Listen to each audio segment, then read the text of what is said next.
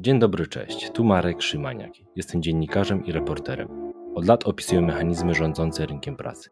Przyglądam się jego bolączkom, zawsze w centrum stawiając człowieka. Wiele razy słyszałem pytania: co zrobić z tymi wszystkimi problemami? Jak je rozwiązywać? Czy kiedyś będzie lepiej? Ten podcast jest właśnie o tym, jak naprawiać polskie firmy i sprawić, aby świat pracy był lepszy. W końcu wszyscy jesteśmy pracownikami. Drugim odcinku podcastu Pracownia zajmiemy się tym, ile pracujemy. Z danych wynika, że Polacy się zacharowują. Pracujemy rocznie kilkaset godzin więcej niż Niemcy, Holendrzy czy Duńczycy. Dla wielu z nas standardem są nadgodziny, co gorsza, często zupełnie bezpłatne. O tym, dlaczego jest tak, że pracujemy dużo za dużo, porozmawiamy w pierwszej części podcastu, natomiast w drugiej zajmiemy się tym, jak systemowo temu przeciwdziałać i jak ten problem rozwiązywać. Na początek porozmawiam z doktorem Jakubem Sawulskim, ekonomistą Polskiego Instytutu Ekonomicznego i autorem książki Pokolenie 89 Młodzi o polskiej transformacji. Dzień dobry, panie doktorze. Dzień dobry. Zacznę od garści statystyk. Dane OECD mówią, że pracujemy o kilkaset godzin więcej niż choćby Niemcy. Dane Eurostatu, że jesteśmy trzecim najbardziej przepracowanym narodem w Unii Europejskiej. Państwowa Inspekcja Pracy alarmuje, że polscy pracownicy wyrabiają liczne nadgodziny. Na drugą nogę przedsiębiorcy też średnio pracują 55 godzin tygodniowo. Obraz jest więc niewesoły. O zjawisku polskiego przepracowania mówi się od lat, ale też od lat niewiele się zmienia. Więc jak to jest z tymi danymi? Ile z nich to prawda i co właściwie te dane o nas mówią? No pierwsza uwaga, że te dane OECD, OECD sama mówi o tym, że one są nieporównywalne między krajami, więc e, te, dane o liczbie godzin rocznych przepracowanych, e, one, ta informacja dosyć często przebija się w polskiej debacie publicznej, natomiast zdecydowanie lepsze są pod tym względem dane Eurostatu, które mówią o tym, ile średnio pracujemy w tygodniu, jaki odsetek osób pracuje w nadgodzinach w gospodarce. I te dane faktycznie pokazują to samo, co dane OECD w zasadzie, ale jakby lepsze metodycznie są, pokazują, że rzeczywiście Polacy pracują dużo, że na tle innych państw Unii Europejskiej jesteśmy w czołówce za, za, zarówno pod względem średniej liczby godzin przepracowanych, jak i pod względem liczby godzin, które pracujemy w tygodniu, wypracowujemy w nadgodzinach. E, I, i to, to, to jest e, fakt, to znaczy to, to są dane wciąż deklarowane. E, znaczy po prostu w, w, w ankietach pyta się na odpowiednich próbach, e, ile przeciętnie w tygodniu dana osoba pracuje. Stąd wydaje się, że one mogą być nieco lepsze dla pracowników niż dla osób prowadzących działalność gospodarczą, dlatego że trudno powiedzieć, co tak naprawdę osoby prowadzące działalność gospodarczą rozumieją przez swoją pracę. Ta praca jest dużo mniej usystematyzowana niż praca e, pracowników. Więc pewnie skupiałbym się bardziej na tych osobach, które są pracownikami i, i tutaj myślę, ważne, ważne są dwie uwagi.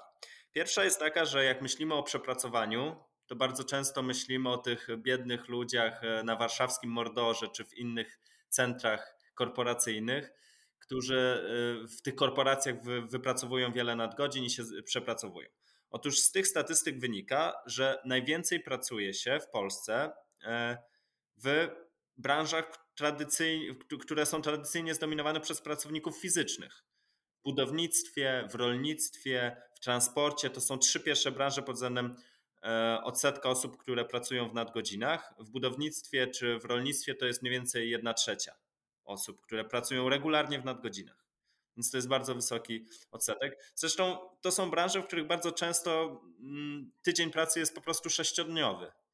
Znaczy, pięciodniowy tydzień pracy się tam nie przyjął i, i, i, niektóre firmy powszechnie pracują 6 dni w tygodniu, nie traktując w ogóle tych dodatkowych godzin jako nadgodziny, czyli nie, wypłaca, nie wypłacając odpowiednio wynagrodzenia. No właśnie, statystyki odnośnie nadgodzin też nie są optymistyczne. 46% pracowników przyznaje, że wypracowuje nadgodziny, a co piąty każdego tygodnia pracuje nawet 10 godzin za darmo. Dlaczego tak się dzieje? No, pytanie, dlaczego tak się dzieje, jest. To, to, tu nie mam, nie mam dobrej jednej odpowiedzi, bo też nie ma dobrych badań na ten temat, skąd to, jakie są źródła, przyczyny tego przepracowania Polaków. Natomiast ja myślę, że warto zwrócić na jeszcze jedną rzecz uwagę. To znaczy, że te kariery zawodowe w Polsce są o tyle specyficzne, że one na tle innych państw są bardzo intensywne, to znaczy dużo pracujemy. W tym okresie, w którym pracujemy, pracujemy dużo, e, ale one są krótkie. Znaczy, jak weźmiemy sobie liczbę lat, przeciętną długość kariery zawodowej w Polsce, to ona jest relatywnie krótka, ona wynosi 34 lata. E, średnia w Unii Europejskiej jest 36-37 lat, ale są też państwa, w których ta średnia wynosi e, ponad 40 lat i to są głównie państwa Europy Zachodniej. Tam się pracuje po prostu więcej pod względem liczby lat, te kariery zawodowe są dłuższe, e, ale mniej intensywne, to znaczy mniej pracuje się godzin w trakcie tych karier zawodowych. I to jest znacznie lepszy model niż ten polski. Z punktu widzenia ekonomii, z punktu widzenia dobrobytu, to jest znacznie lepszy model. E, dlatego, że długa, intensywna praca sprawia, że się e, przepracowujemy, jesteśmy, stajemy się mniej efektywni, niszczymy swoje zdrowie, to jest bardzo ważne. I potem bardzo często nie jesteśmy w stanie pracować e, długo pod względem liczby lat, czyli długo ciągnąć tej swojej kariery zawodowej. Czyli mówiąc kolokwialnie, przez te 30-35 lat jesteśmy tak zajechani, że tylko marzymy o emeryturze. Nie myślimy o dalszej pracy, jak to bywa na Zachodzie? Dokładnie, to znaczy to podejście wielu osób, które widać w statystykach ZUS-u, że w pierwszym możliwym momencie, kiedy tylko mogą, przechodzą na emeryturę, ono w tym kontekście dziwi trochę mniej. E, jeżeli uświadomimy sobie, że bardzo często te kariery zawodowe są bardzo intensywne. E, więc e, jeszcze raz podkreślę, że z punktu widzenia już nawet nie tylko ekonomii, ale tak po prostu dobrobytu obywateli, lepsze byłyby takie kariery mniej intensywne, mniej godzin przepracowywanych, ale, ale kariery dłuższe. Bo także wczesne przechodzenie na emeryturę, ono wcale nie uszczęśliwia. Tak? To znaczy, praca też może dawać satysfakcję. Ona może być satysfakcjonująca i wczesne odchodzenie na emeryturę, bardzo długie przebywanie na tej emeryturze niekoniecznie jest dobre. Tylko, że wiele osób po prostu przechodzi, bo już jest tak styrana, mówiąc kolokwialnie, e, to co pan powiedział, że, że no nie, nie, nie bardzo mają ochotę tę, tą karierę zawodową dalej ciągnąć. Czyli zanim pomyślimy o podwyższeniu wieku emerytalnego, czego chciałoby wielu ekspertów, a obawia się wielu pracowników, powinniśmy raczej zwolnić tempo i zmienić też styl tego, jak pracujemy. Częściej też pracować na część etatu. Dokładnie tak, dokładnie tak. To znaczy, yy, dyskusja o wieku emerytalnym była w Polsce bardzo płytka. Yy, ja też jestem jednym z tych ekspertów, który mówi, że wiek emerytalny w Polsce powinien być wyższy.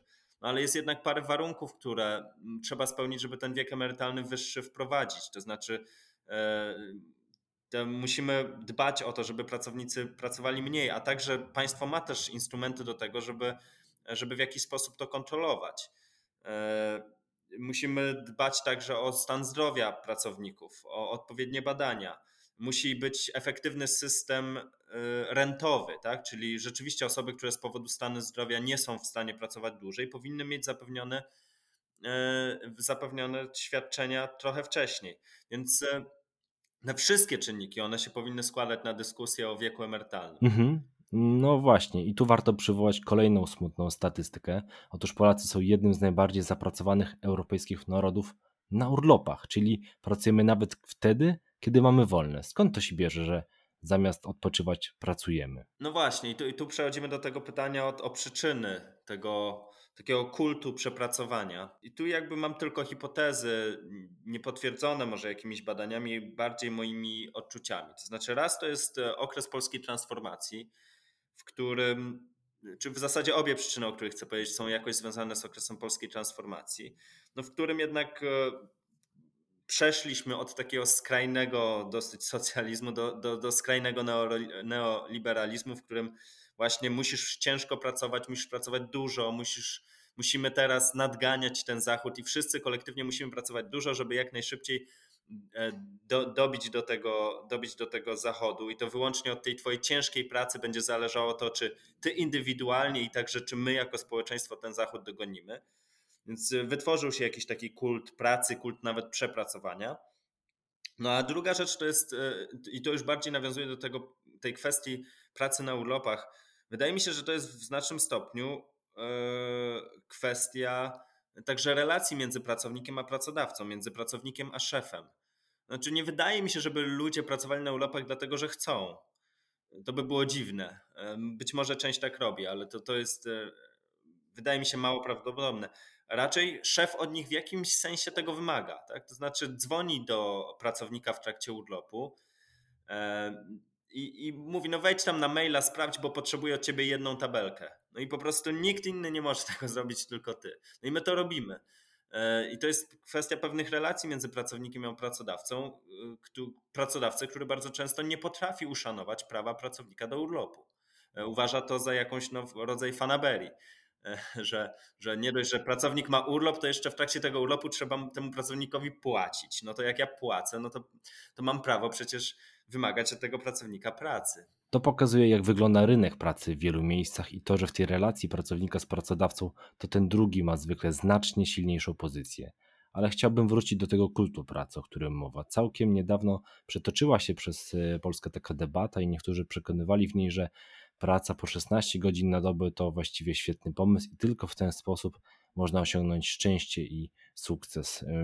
Czy taka praca to gwarancja tego sukcesu i czy to nie jest mit? Ciężka praca jest jednym z wielu elementów, który, który może, a niekoniecznie musi doprowadzić nas do, do, sukcesu, e, do sukcesu życiowego. To znaczy, z badań naukowych wiemy, że e, bardzo spora część naszych, naszych, naszego sukcesu życiowego nie zależy od naszego wysiłku, tylko zależy od różnych okoliczności, od tego, gdzie się urodziliśmy, jakich mieliśmy rodziców, jakie mieliśmy otoczenie, gdzie chodziliśmy do szkoły.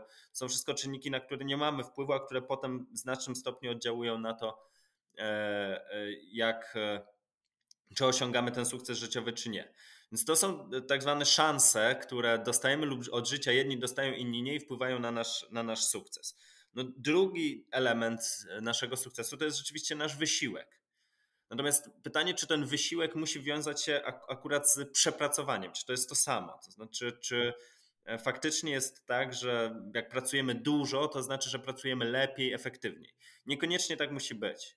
To znaczy, badania pokazują, ostatnio mamy sporo eksperymentów z czterodniowym tygodniem pracy, i większość tych eksperymentów wskazuje, że e, ludzie są w stanie w ciągu czterech dni zrobić tyle samo pracy, a nawet więcej niż w ciągu pięciu. To są eksperymenty, które jednak dotyczą głównie pracowników umysłowych, pracowników wykonujących prace umysłowe, to znaczy w pracach fizycznych pewnie częściej, choć też nie w pełnym stopniu, długość pracy determinuje jednak efekt. Choć także e, z powodu zmęczenia, przepracowania, ta efektywność też może e, spadać także w pracach fizycznych. Do tej efektywności jeszcze za chwilę wrócę, ale chciałbym dopytać o to, co Pan wspomniał, czyli to przekonanie, że bogaci są bogaci, bo sobie na to zapracowali, a biedni są biedni, bo są leniwi. Po 30 latach od transformacji ten mit jest u nas ciągle bardzo mocno żywy. Dlaczego? Ten mit jest żywy nie tylko w naszym kraju. E, on także dosyć powszechnie funkcjonował za granicą, przynajmniej do kryzysu finansowego w 2008 roku, bo po tym kryzysie dopiero zaczęto głębiej rozważać, skąd się biorą nierówności dochodowe. No i właśnie pojawił się ten podział istotny na nierówności wynikające z szans, które otrzymujemy od życia i nierówności wynikające z naszego wysiłku. Więc jakbyśmy chcieli sobie to tak bardzo prosto podzielić, to Branko Milanowicz, jeden z takich yy, naukowców najbardziej znanych na świecie zajmujących się nierównościami, tak bardzo prosto, w dużym uproszczeniu, ale dla, dla jasnego, czytelnego przekazu, mówi, że możemy sobie powiedzieć tak, że 60% tego, ile osiągnęliśmy dochodu w naszym życiu, wysokości naszego dochodu, zależy od tego, gdzie się urodziliśmy, w jakim kraju. Po prostu. Czyli rzecz, na którą absolutnie nie mieliśmy wpływu. Kolejne 20% od szans, które otrzymaliśmy w tym kraju, czyli od rodziców, które, jakich mieliśmy rodziców, gdzie szliśmy do szkołach, szkoły, e, czy mieliśmy rodzeństwo, czy nie, czy urodziliśmy się wysocy, e, czy urodziliśmy się niscy i tak dalej. Czyli znów rzeczy, na które nie mieliśmy wpływu. I kolejne 20% to jest nasz wysiłek. Czyli z ogółu 100% dochodu, który osiągamy, 20% zależy od naszego, e, naszego wysiłku. Pozostałe 80% to jest przede wszystkim kraj, w którym się urodziliśmy, no i szanse, które otrzymujemy, które są także niezależne od nas. Ale kiedy patrzymy na tych Niemców czy Holendrów, pracujących przecież krócej, to narody, y, które nie są od nas biedniejsze czy mniej szczęśliwsze z tego powodu, że pracują krócej. Dlaczego jest tak, że z tym wzrostem zamożności spada liczba przepracowanych godzin? Tak, generalnie tak jest, że w bogatszych państwach pracuje się mniej. No to wynika z kilku czynników. Po pierwsze, w pewnym sensie można sobie na to pozwolić. To znaczy, jak mam zaspokojone pewne podstawowe potrzeby, E, no to mogę zaspokajać potrzeby wyższego rzędu, a jedną z potrzeb wyższego rzędu jest potrzeba odpoczynku, relaksu, spędzania wolnego czasu. Więc po prostu im bogatszy jestem, tym mam większą e, możliwość e, zaspokajania realizacji tej potrzeby. No też w państwach tych bogatszych są inne sektory, w których się pracuje więcej jest e, usług, prac umysłowych, mniej prac fizycznych, przemysłu, więc to też są czynniki, które wpływają. No i wreszcie taki bardzo istotny czynnik, to znaczy rozpowszechnienie pracy na część etatu, bo te statystyki tego, że w Polsce pracuje się dużo, one w części wynikają z tego, że po prostu na pełen etat nie dość, że mam, to jeszcze pracuję w nadgodzinach, ale w części y, znacznej także z tego, że jest dużo mniej rozpowszechniona praca na część etatu. Polsce dotyczy ona 5-6% pracowników, podczas gdy średnio w Unii Europejskiej to jest około 15%, a w wielu państwach Europy Zachodniej to jest 20, powyżej 25%. Tak? Jak weźmiemy Niemcy, Belgię, to tam jest między 25 a 30% pracowników pracujących na część etatu. E, no w skrajnym przypadku Holandii to jest ponad 40% pracowników zatrudnionych na część etatu. Choć tam akurat to jest problem w drugą stronę, e, to znaczy część pracowników chciałaby pracować na cały etat, ale nie, nie, nie ma takich ofert dla nich. W Polsce zdecydowanie za mało pracowników w stosunku do tego, co by pewnie chciało też, pracuje na część etatu. Po prostu nie znajdują takiej pracy, nie mają takiej możliwości. Pracodawcy są zaskoczeni w ogóle takim pytaniem na rozmowie kwalifikacyjnej o to, czy można pracować na część etatu, bo nie, nie widzą takiej, takiej opcji. Czyli tak, pracownicy chcieliby już dbać o ten odpoczynek i równowagę, ale to pracodawcy nie są gotowi. Przynajmniej część pracowników, tak, bo to na pewno nie dotyczy wszystkich. To znaczy, ten kult pracy i przepracowania w Polsce jest bardzo silny. Wiele osób nie chciało, nie wyobraża sobie pracy na część etatu. Wręcz przeciwnie, oni, oni chcą pracować dużo. To znaczy, oni jadą, są, jest, mamy pracownika budowlanego, który pracuje 10 godzin po 6 dni w tygodniu, ale wraca z tej pracy i on jeszcze robi jakąś fuchę komuś dodatkowo, a jeszcze często robi to w niedzielę. Więc e, ten kult pracy także jest silny. Natomiast niewątpliwie mamy też część pracowników, które chciałyby pracować mniej, ale y, nie potrafią, nie mają takiej możliwości. Mówi pan, kult pracy jest silny, ale niektórzy twierdzą, że jako naród jesteśmy wciąż za biedni, aby pozwolić sobie na ten odpoczynek. Raczej bym odchodził od takiego argumentu, że my jesteśmy jeszcze za biedni na to, żeby pracować mniej. Znaczy, mi się wydaje, że już powinniśmy, i to pewnie co najmniej parę lat temu, jeżeli nie paręnaście, no, zakończyć w takim sensie naszą transformację, że no oto teraz musimy po prostu poświęcać absolutnie wszystko tylko po to, żeby żeby gonić, żeby się odbić, żeby, e, żeby ten PKB rósł. Tak? To znaczy przez wiele lat słyszeliśmy, że nierówności dochodowe na przykład są nieważne, no bo musimy najpierw dogonić w tym PKB. Tak? Najpierw musimy zbudować to PKB, żeby je dzielić. Tak? Usługi publiczne także, no nie możemy opodatkowywać ludzi zbyt wysoko, no bo my musimy gonić to PKB. A jak nie możemy opodatkować zbyt wysoko, no to, nie, to mamy słabe usługi publiczne. I to samo dotyczy pracy, tak? To znaczy, ja bym, myślę, że już jesteśmy na tym poziomie rozwoju. E, ja przypomnę, czy, czy podkreślę, że Polska, e, przeciętny Polak jest bogatszy od 85% ludzi na świecie. Tak? My już jesteśmy na tym poziomie rozwoju, na którym naprawdę moglibyśmy pomyśleć też o nie tylko o tym właśnie o pracy, o PKB, ale też po prostu o jakości życia tak po prostu o jakości życia. E, a, a odpoczynek, e, relaks jest bardzo ważnym elementem właśnie jakości e, życia. Ta opinia, że musimy tyle pracować, bo gonimy Zachód, wciąż jest obecna. Warto zapytać, dlaczego tego Zachodu nie gonimy pod względem choćby standardów pracy, przestrzegania prawa pracy i równowagi między życiem prywatnym a, a pracą zawodową. No właśnie, tu przechodzimy do tego, co, co z tym wszystkim mogłoby zrobić państwo, i to jest, myślę, bardzo ważny wątek, bo to nie jest proste, tak? To znaczy, to jest pewien kult, kultura, można tak powiedzieć, kultura, którą trudno zmienić. E, I to nie, i to, to, to nie jest rzecz e, trywialna. Natomiast polskie państwo zupełnie abdykuje w tym względzie, to znaczy nie chce tego zmieniać, nie robi nic absolutnie, żeby, żeby to zmieniać nieprzestrzeganie kodeksu pracy w takim wymiarze właśnie, że nie, nie respektujemy prawa pracownika do urlopu, nie respektujemy jego prawa do wyższego wynagrodzenia za nadgodziny, nie respektujemy jeszcze szeregu innych praw, wypłacamy mu wynagrodzenie poza oficjalną umową i tak dalej. To jest rzecz dosyć powszechna w Polsce, zwłaszcza w mniejszych miejscowościach, w mniejszych firmach.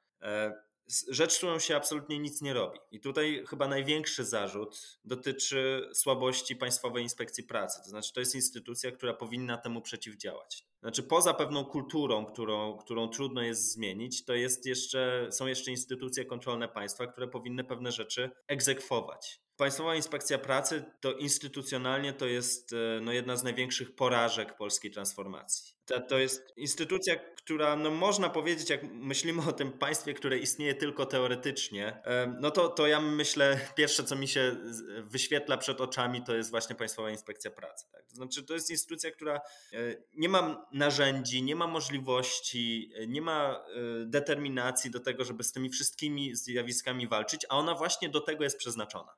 Nie ma pieniędzy, nie ma ludzi, nie ma także narzędzi ustawowych odpowiednich do tego, żeby z tymi zjawiskami walczyć. Przychodzi mi do głowy takie porównanie ze strażą pożarną, która jest, ale nie ma wozu strażackiego ani węża do gaszenia pożarów, czyli jest, ale to, to właściwie taka atrapa. Ale chciałbym zapytać o coś innego, a mianowicie o taką zmianę pokoleniową, bo mam wrażenie, że to pokolenie wchodzących teraz na rynek pracy, dzisiejszych 20-20 parolatków, jest bardziej świadoma, korzysta z tej lepszej sytuacji gospodarczej i stawia warunki pracodawcom. Ma oczekiwania względem stabilności zatrudnienia, wynagrodzenia, co potem nieraz spotyka się z pogardliwymi komentarzami, że jak to można mieć oczekiwania na, już, już na początku zawodowej drogi. Oczywiście nie wszędzie tak jest, że młodzi mogą stawiać te wymagania, ale czy pan taką zmianę obserwuje? My w Polsce mamy takie dwa światy pracy, które jakby nie wiedziały o swoim istnieniu nawzajem. Znaczy, jeden świat pracy to jest właśnie ludzie pracujący w dużych miastach, w korporacjach, gdzie tam no, problemem jest właśnie work-life balance, przepracowanie i tak dalej. I drugi świat pracy to jest ten z mniejszych miejscowości, e, z, ze wsi, z małych miast, w którym ta, ta praca jest zupełnie inna. Tak? To znaczy, tam problemy są zupełnie, zupełnie inne. Natomiast problemem jest w ogóle przestrzeganie kodeksu pracy, w ogóle otrzymanie jakiejkolwiek umowy, e, regularna praca w nadgodzinach czy poza godzinami pracy, przestrzeganie prawa do urlopu i tak dalej, takich podstawowych rzeczy. Jak ja to obserwuję, to mi się wydaje, że okej, okay, może ci młodzi w dużych miastach się zmieniają, ale w mniejszych miejscowościach oni pracują dokładnie tak samo, jak pracują te starsze pokolenia. To znaczy, dla nich dokładnie tak samo jak dla starszych pokoleń, praca w sobotę na przykład jest czymś zupełnie normalnym. To trochę wynika znów z tych relacji pracownik-pracodawca. Tak? To znaczy, tam, gdzie mamy mm, mniejszą siłę przetargową, niższą pozycję przetargową pracownika, czyli niższe kwalifikacje, właśnie prace fizyczne, bardzo często. Tam te problemy są po prostu większe. Natomiast w dużych miastach, gdzie wchodzi taki trochę zagraniczny styl zarządzania przedsiębiorstwami, to, to się pewnie dużo szybciej niż w mniejszych miejscowościach poprawia i faktycznie to może zwiększać nam e, tego rodzaju nierówności. Czyli metropolie, duże miasta już prawie dogoniły zachód, a mniejsze miejscowości zostały w tyle? Tak, tak. Wydaje mi się, że tak, że, że ten kult pracy, przepracowania w właśnie mniejszych miejscowościach, w pracach fizycznych zwłaszcza, na przykład w sektorze budowlanym, który często przywołuje, no, że on istnieje i jest tak samo silny jak był. Zbliżamy się powoli do końca, ale chciałem zapytać jeszcze o to, co przepracowanie robi z naszą pracą, bo ta praca ponad siły nie jest dobra ani dla pracowników, bo odbija się na ich zdrowiu, rodzinie, ale tracą na niej też pracodawcy, bo przecież efektywność takich osób spada. Dlaczego firmy tego nie widzą? No przecież dla nich to też jest niekorzystne.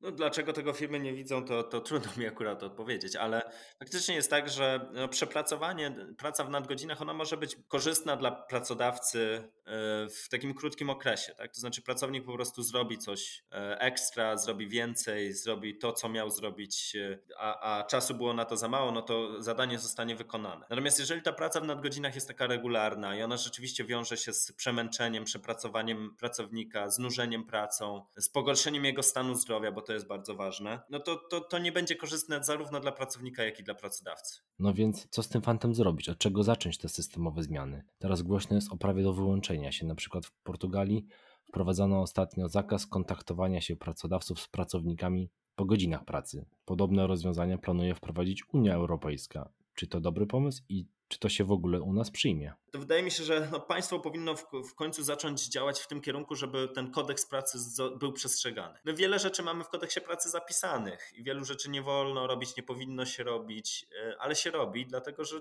on zupełnie e, niektóry, dla niektórych firm jakby nie istniał. To są rzeczy, aspekty kulturowe, ale także właśnie rzeczy prawne. Znaczy państwo nie kontrolując tego, nie, nie, nie dbając o przestrzeganie tego prawa, niejako przyzwala na tego typu zachowania i działania. Nie szukałbym tutaj jakichś znaczących, nowych regulacji dodatkowych, choć pewnie właśnie kwestia prawa do bycia offline mogłaby jakoś być uregulowana ustawowo. Natomiast bardziej szukałbym w kwestii przestrzegania tego prawa, które istnieje, bo z tym mamy moim zdaniem ogromny problem. Mamy też, mam wrażenie, taki mentalny problem. Jakoś jest tak, że społecznie akceptujemy to, że to prawo jest łamane. Kiedy ktoś kradnie, to nas to oburza, a jeśli ktoś łamie prawo pracy, to czeka go w reakcji wzruszenie ramion. No tak, no bardzo często niestety jest tak w naszej debacie publicznej, że jak ktoś postuluje jakieś zwiększenie praw pracowniczych, wzmocnienie kodeksu pracy czy e, instytucji kontrolujących rynek pracy, no to słyszymy jedną odpowiedź socjalizm. Tak? I to ma zamykać nam dyskusję, zamykać nam e, zamykać temat, e,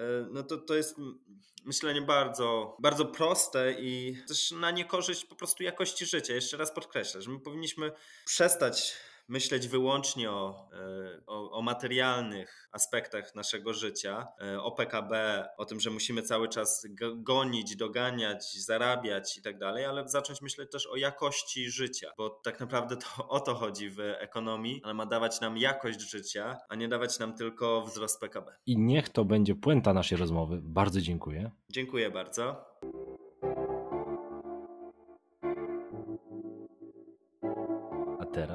Drugiej części podcastu przyjrzymy się temu, jak wygląda perspektywa firm. Dlaczego dochodzi w nich do tego, że pracujemy tak dużo. Zajmiemy się także tym, jak ten problem systemowo rozwiązywać, a najlepiej, jak mu przeciwdziałać. Porozmawiam o tym z Zytą Machnicką, szefową hubu edukacyjnego Lightness i autorką książki Lepszy Pracodawca. Cześć Zyta. Witaj Marku. W pierwszej części podcastu przytoczyłem dane, z których wynika jasno. Polacy pracują dużo za dużo. Powiedz, dlaczego to sobie robimy i dlaczego szefowie robią to sobie oraz swoim pracownikom? Wiesz co, ja mam wrażenie, że e, mamy takie społeczne przyzwolenie na pracę ponad normę i takie przekonanie, że jeżeli e, pracujesz bardzo dużo e, i że jeżeli dużo się u ciebie dzieje, to jest ok, bo jeżeli się u ciebie nic nie dzieje, jeżeli nie, nie, nie masz się, nie, nie możesz się pochwalić tą właśnie tą robotą, którą wykonujesz, to znaczy, że coś jest nie tak. I też wydaje mi się, że wchodzi w, w nam w to wszystko to nasze e, takie współczesne FOMO, czyli ten strach, że e, coś mnie ominie, jeżeli e, nie będę ciągle pracować, że coś mnie ominie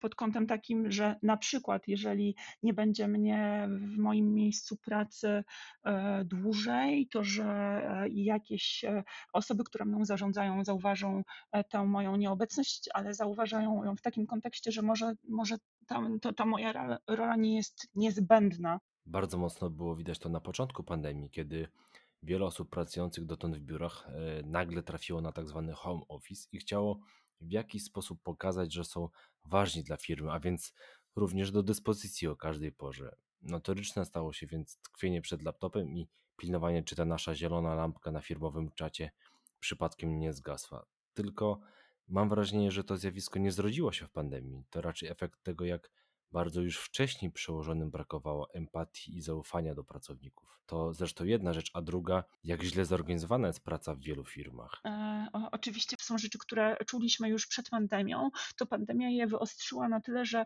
pokazała bardzo mocno, że kadra menedżerska w Polsce e, wymaga naprawdę dodatkowych nakładów finansowych i rozwojowych, dodatkowej pracy, dodatkowej edukacji właśnie w zakresie tego, e, jak traktować ludzi, jak się z nimi nimi komunikować, na co zwracać uwagę, jak układać im czas e, pracy, e, na jakich e, podstawach rozliczać, że to są rzeczy, którymi naprawdę można zarządzić, ale jednak trzeba też na ich temat w firmach uważam bardzo dużo rozmawiać, bo, bo to nie jest tak, że wszyscy są źli, że wszyscy mają złe intencje. Jasne, też nie twierdzę, że wszyscy są źli, a gdybym nie wierzył w te dobre intencje, to nie byłoby tego podcastu. Dlatego Przyjmijmy sobie perspektywę szefa. Wyobraźmy sobie człowieka, powiedzmy około 50, który sam w latach 90. ostro zasubał, wierząc, że to jedyna słuszna droga, bo wtedy goniliśmy zachód. Ale dziś już widzi, że to nie jest idealne i może warto ten zachód gonić także pod względem standardów dotyczących chociażby czasu pracy. Co taki szef może zrobić, aby zadbać o równowagę i odpoczynek swoich pracowników? Jakie są takie konkretne środki, działania, które on może u siebie wdrożyć? Mhm. Oczywiście poza tym, że powinien przestać wysyłać maile w piątek po południu i być ciągle aktywnym na firmowym czacie. Powiedz kogo i jakie branże pod tym względem warto obserwować. Mhm. Z jednej strony widzimy, co, co robią firmy technologiczne, i tutaj kilka przykładów. E, ostatnio mignęła, mignęła mi e, informacja na temat firmy Trafit. Oni działają w branży e, akurat usług związanych z HRM. Opublikowali informację o tym, że od nowego roku decydują się na wykorzystanie nielimitowanych płatnych urlopów u siebie w organizacji. Wiem, że na przykład z takiego rozwiązania korzysta Mindgram, które rozwija e, rozwiązania z obszaru e, mm, zdrowia e, psychicznego dla pracowników. I możemy sobie pomyśleć, a dobra, tam nielimitowane płatne urlopy, że czy to jest coś wyjątkowego, czy też nie. No, ja akurat uważam, że to jest coś wyjątkowego, bo to jest podstawowa rzecz, która pokazuje, że ty jako pracodawca będziesz się uczył na, na własnej skórze tego, jak ufać swoim ludziom, że powiesz im, że dobra, macie nielimitowane płatny urlop i teraz będziesz tylko miał nadzieję, że ci ludzie nie będą na tym, nie będą na tym płatnym urlopie przez e, cały najbliższy rok. Więc e, prawda, uważam, że takie zmiany są, czy takie decyzje są grubymi zmianami, odważnymi decyzjami i uważam, że potrzebnymi. Oczywiście to nie jest tak, że ty jako pracodawca musisz zaczynać od wprowadzania nielimitowanego płatnego urlopu. Natomiast ważne jest to, żeby rozwiązania, które będziesz miał u siebie w organizacji, żeby one były dopasowane do Twojego sposobu funkcjonowania, znaczy funkcjonowania Twoich ludzi i tego, w jaki sposób działa ta organizacja. E, natomiast e, właśnie firmy IT przepracowują na, sobie te e, różne sposoby na to ulepszanie tego dobrostanu swoich pracowników, bo chociażby takie rozwiązania jak na przykład dodatkowe dni urlopu, dodatkowy urlop na, dla ludzi z po prostu ze względu na coś. Mhm. Mignęło mi mm, jeszcze w trakcie pandemii, e, e, teraz nie pamiętam e, nazwy tej firmy, ale firma, która zdecydowała się po prostu na wprowadzenie dodatkowych dni urlopu, bodaj 2-3 dni urlopu, ze względu na to, że rok był ciężki, pandemiczny i niech nasi ludzie odpoczną ze swoimi najbliższymi, czy nie wiem, zrobią to, na co mają ochotę, bo, no bo było trudno, więc dodatkowa chwila wytchnienia.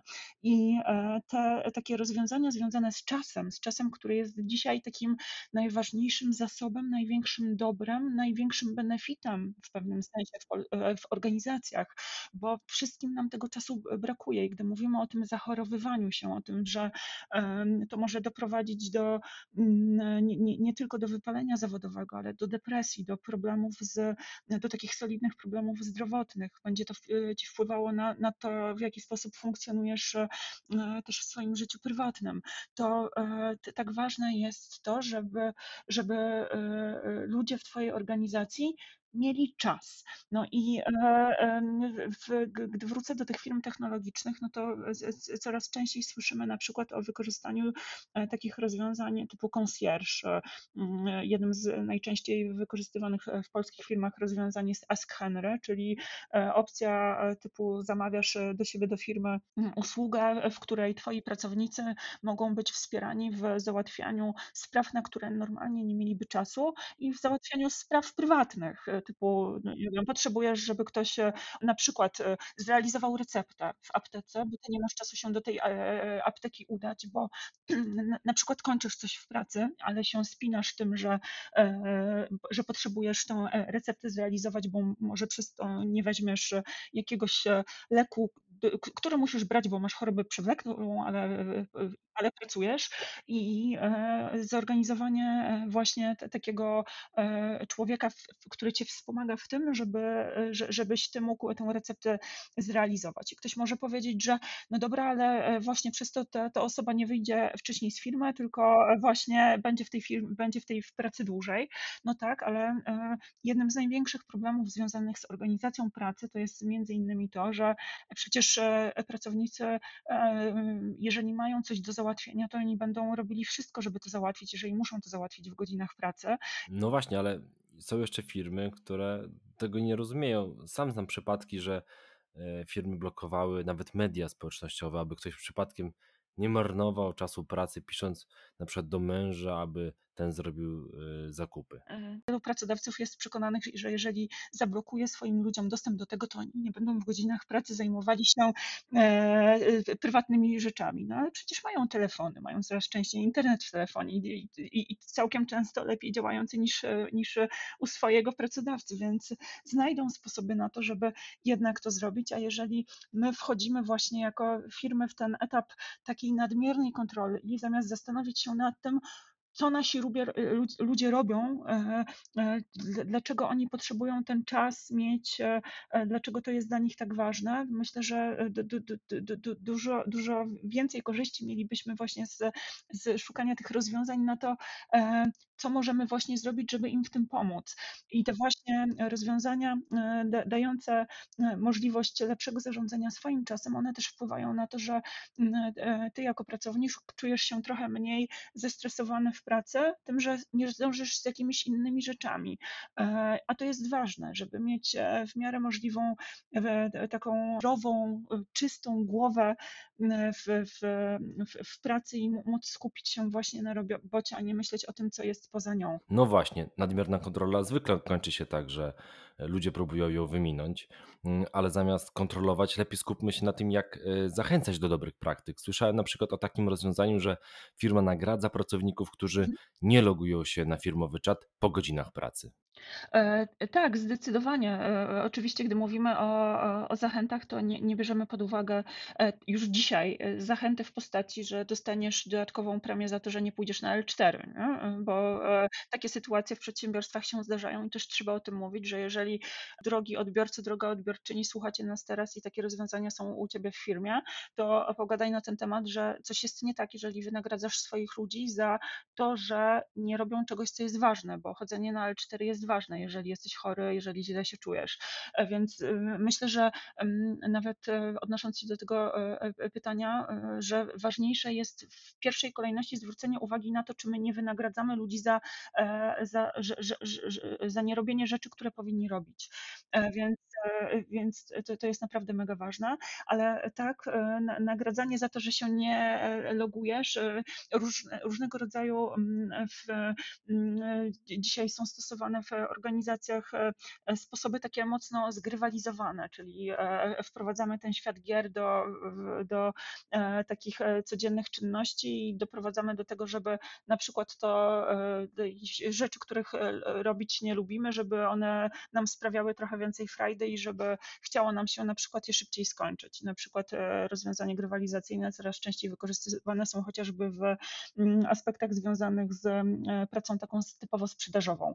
I oczywiście możemy powiedzieć, że będą przedsiębiorstwa, w które, które będą doprowadzały do tego, że ludzie będą przeginali na zasadzie takiej, że e, no dobra, że ja teraz będę chciał, chciała zrobić nie wiadomo jakie wielkie targety, bo dzięki temu, nie wiem, dostanę jakieś dodatkowe karnety na coś, czy E, może będę miała, nie wiem, dodatkową wycieczkę czy dofinansowanie do czegoś, co jest dla mnie ważne, mhm. ale jednak e, myślę, że trzeba zwrócić uwagę na to, żeby trzymać rękę na pulsie. Bo jak jeszcze wrócę do tych kwestii związanych z czasem, bo e, ja wcześniej powiedziałam o tych firmach technologicznych, natomiast mm, jednym z najbardziej mm, takich dla mnie fascynujących przykładów fajnego rozwiązania związanego właśnie z czasooszczędzaczami, to była firma bodaj Lacroix Electronics i pamiętam, że to był rok chyba 2017 y, y, jurorowałam w jednym z konkursów employer brandingowych i y, to była jedna z firm, która zgłaszała swoje rozwiązania w zakresie właśnie takiego pozytywnego zarządzania doświadczeniami pracowników. I oni są firmą z branży elektronicznej, mają, z tego co pamiętam, to było rozwiązanie, które dotyczyło ich fabryki. I na terenie fabryki firma zorganizowała coś w rodzaju centrum mini spa, miejsce, w którym e, e, wszyscy pracownicy, nie tylko wybrane osoby, na przykład osoby, wiesz, zarządzające, e, czy osoby pracujące na stanowiskach administracyjnych, tylko absolutnie wszystkie osoby miały na przykład dostęp do fryzjera, kosmetyczki, jakichś tam dodatkowych tego rodzaju salonów, czy jakichś masaży, fizjoterapeutów i tak dalej. Miejsca, w których, do których mieli dodatkowe dofinansowanie oczekiwania od swojego pracodawcy. I ktoś może powiedzieć, że to jest jakiś absurd. No, o czym ona nam dzisiaj mówi? Ona nas zachęca do tego, żeby wprowadzać takie rozwiązania e, w firmach, ale że, ale że, że, że przecież ludzie powinni się skupić na pracy. Ale uważam, że właśnie to było na, naprawdę przeciekawe rozwiązanie, dlatego że ono właśnie po pierwsze nie dotyczyło firm stricte IT, po drugie dotyczyło wszystkich pracowników, po trzecie było, pokazywało, że co może zrobić pracodawca, który ma fabrykę w miejscu, w którym nie ma dostępu do usług, z których chcą korzystać pracownicy i ile czasu im zajmie, albo jak bardzo będą się musieli nagimnastykować, żeby na przykład, nie wiem, pójść do fryzjera, nie? Mm -hmm. I nie mogą tego zrobić e, w jakichś normalnych godzinach, bo kończą, mm, e, no na przykład, nie wiem, kończą o 18, nie? I muszą, muszą dojechać gdzieś tam dalej do, do, do tego, żeby z tych usług skorzystać. Czyli da się dbać o to, aby pracownicy mieli więcej czasu, nawet jeśli nie jesteśmy firmą z branży IT? Firmy coraz częściej szukają sposobów na to, jak ułatwić swoim ludziom funkcjonowanie, no chociażby organizacje, które mają w swoich, e, czy blisko e, swoich miejsc e, jakieś przedszkole, żłobek, nie? że jeżeli mają zdiagnozowaną potrzebę, że ludzie, w których mają w pracy, to są u nich często rodzice, mają problem z dostępem do tego typu usług, no to szukanie rozwiązania, które pozwoli ten, ten, ten ból niejako zmniejszyć. A jeżeli firmę na to stać, to czemu nie? Bo może się okazać, że inwestycja w, te, w, taką, w takie coś będzie dużo sensowniejsza niż e, zrobienie na przykład raz w roku czy dwa razy w roku mega wielkiej imprezy, na którą zaprosisz e, gwiazdę wielkiego formatu i wydasz na to mnóstwo kasy i będzie, wydasz na to, czy będzie to rzecz e, taka krótkofalowa. Natomiast mówimy tutaj o tym, że dzisiaj na rynku naprawdę wygrywają ci pracodawcy, którzy rozumieją pro, specyfikę działania swoich ludzi, potrafią zdiagnozować to, e, zadając odpowiednie pytania, na przykład w badaniach wewnętrznych, e, bo to, co jesteśmy w stanie zrobić w absolutnie każdej organizacji, i w największej, i w najmniejszej, to po pierwsze możemy usiąść, zastanowić się nad tym, kogo my zatrudniamy, ile mamy ludzi w naszej firmie, e, jak te osoby są z, zakwalifikowane pod kątem wieku, płci. Oczywiście nie mówimy o tym, żeby na to patrzeć przez pryzmat dyskryminacji, dyskryminacji w żadnym razie, tylko żeby spojrzeć na.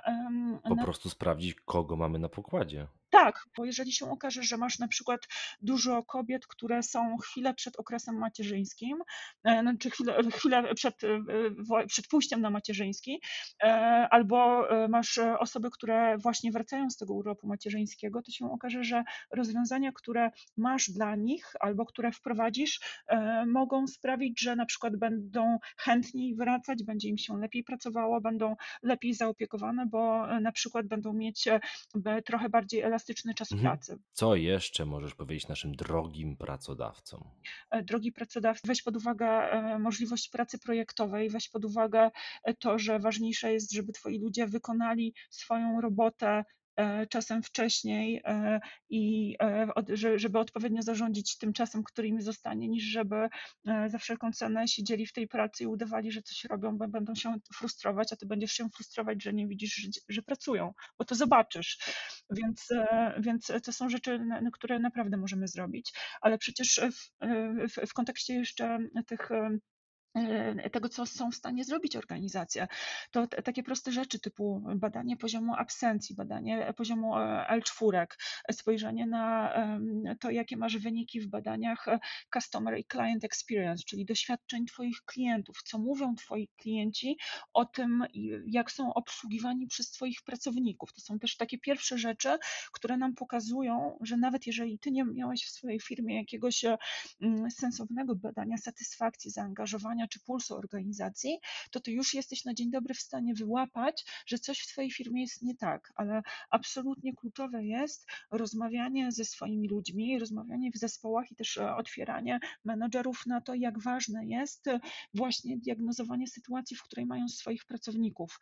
E, i, i zwracanie uwagi na to, że mm, ważniejsza jest dobra kondycja pracowników i na przykład to, że się wkurzają na to, że ojejku, ich człowiek idzie na te, na na TL4, że choruje, że jak to, że, a że jest przecież tylko przeziębiony, że to przecież nie COVID, że jeszcze rok temu już rozmawialiśmy w Polsce o tym, że absolutnie e, rzeczą, którą COVID, e, jeżeli możemy powiedzieć o jakichś pozytywnych skutkach, to to, że zaczęliśmy rozmawiać o tym, że do pracy nie powinieneś przychodzić chory mhm.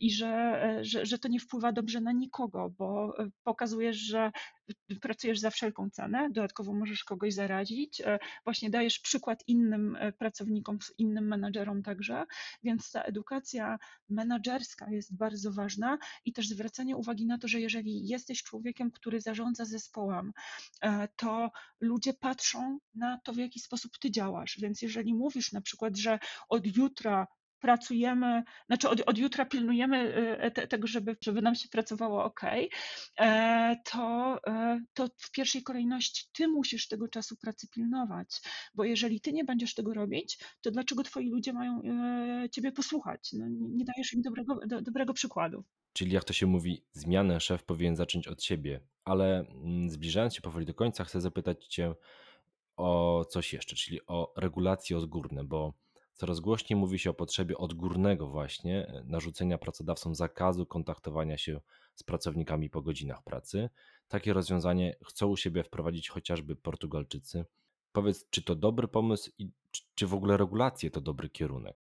Myślę, że niezależnie od wszystkiego te regulacje odgórne są potrzebne, ze względu na to, że no jednak rynek pracy jest pojemny. Mamy wielu pracodawców. Ja na tym rynku funkcjonuję już ponad 16 lat i jak miałam lat, lata temu wnioski takie, że, e, że firmy w Polsce i nie tylko w Polsce bardzo często nie potrafią rekrutować, a kandydaci, kandydatki, którzy szukają pracy, e, bardzo często nie potrafią się e, w odpowiedni sposób czy zaprezentować, czy, czy po prostu przez ten proces rekrutacji przejść i, i mamy takie czarowanie się jednej strony i drugiej strony, to wiesz, gdybym popatrzyła na to, jak dzisiaj wygląda ten rynek pracy, no to dalej widzę te problemy. I, e, i znowu będę się trzymać tego, że jednak też nam pan, czas pandemii udowodnił, że no właśnie, jeżeli nie masz regulacji związanych na przykład z e, pracą zdalną, no to, e, że no dobra, pracodawcy sobie poradzą do pewnego momentu, ale że pojawią się sytuacje, w których e, będą, będą potrzebne dodatkowe regulacje, bo ty jako pracodawca nie będziesz wiedział, co ci wolno, a co nie. A są przecież sytuacje skrajne, skrajne sytuacje w postaci e, takich, e, gdy którejś ze stron nadużywa tego prawa, które ma. I właśnie do tego te dodatkowe, dodatkowe regulacje są, są potrzebne. W przypadku Portugalii mówimy przede wszystkim o poruszaniu tego tematu prawa do odpoczynku. Możemy powiedzieć, że dość, powiem tak kolokwialnie po swojemu, że hardkorowym może się wydawać e, mm, ta, ta, ta sytuacja, w której mm, słyszymy, że pracodawca ma zabronione kontaktowanie się z pracownikiem po godzinach pracy, ale z drugiej strony, no, Kurczę, no nie wiem, no mam, mam, takie, mam, mam takie plusy, widzę tutaj plusy i minusy e, tego, bo gdy, bo gdy, gdy zdam sobie sprawę z tego, że mhm. E, zacharowując się i zacharowując naszych ludzi, możemy doprowadzić nawet do traumy w pracy, czyli do tego, że mm, jakieś działania pracodawcy e, do, doprowadzą do tego, że ten człowiek będzie miał już do końca życia problemy związane z, właśnie ze swoim zdrowiem fizycznym, fizycznym czy psychicznym, e, dlatego że ktoś nadużył swojego prawa, e, to myślę, myślę sobie, że no, może jakaś forma takich regulacji jednak e, by się przydała. Mhm, też tak myślę. I już naprawdę kończąc, zapytam Cię jeszcze o lekką prognozę, a mianowicie, kiedy polscy pracownicy przestaną właściwie co roku znajdować się na szczytach rankingów przepracowanych narodów? No i powiedz, czy to wydarzy się jeszcze za naszego zawodowego życia? E, ja powiem Ci tak, że bardzo bym chciała, żeby to się wydarzyło e, jeszcze w, w, w tej naszej e, karierze zawodowej, nie? żebyśmy rzeczywiście mogli, mogli, mogli się pochwalić, że już jest, nie jesteśmy na czele tych rankingów. Zupełnie szczerze, wydaje mi się, że jakoś bardzo szybko to nie nastąpi, ale to jestem szczerze przekonana, że faktycznie my będziemy coraz bardziej się pilnować jako pracownicy przede wszystkim mm, w, w tematach związanych z tym, jak pracujemy, bo coraz mocniej też wybrzmiewa e, to, e, ten aspekt dotyczący e, krótszego tygodnia pracy czy krótszego dnia pracy. I e, patrząc na to, co się dzieje na rynku, jakby zaczynają się takie, bym powiedziała, takie delikatne podejścia i testy, e, pilotaże, jakby to było, gdybyśmy pracowali e, krócej. I e, widać jednak pozytywne efekty e, związane właśnie z efektywnością. O krótszym czasie pracy na pewno zrobię oddzielny odcinek, bo to temat na dłuższą rozmowę. A teraz e, bardzo Ci dziękuję za, e, za czas i te e, wszystkie praktyczne wskazówki dla przedsiębiorców. Dziękuję również. Rozgadałam się jak zwykle, ale e, myślę, że tego się spodziewałeś. I bardzo dobrze, dzięki raz jeszcze. To był drugi odcinek podcastu Pracownia. Dziękuję, że zostaliście do końca. Dajcie znać, co poprawić, co Wam się podobało i o czym chcielibyście posłuchać w kolejnych odcinkach. Piszcie na pracownia podcast małpa gmail.com. Do usłyszenia.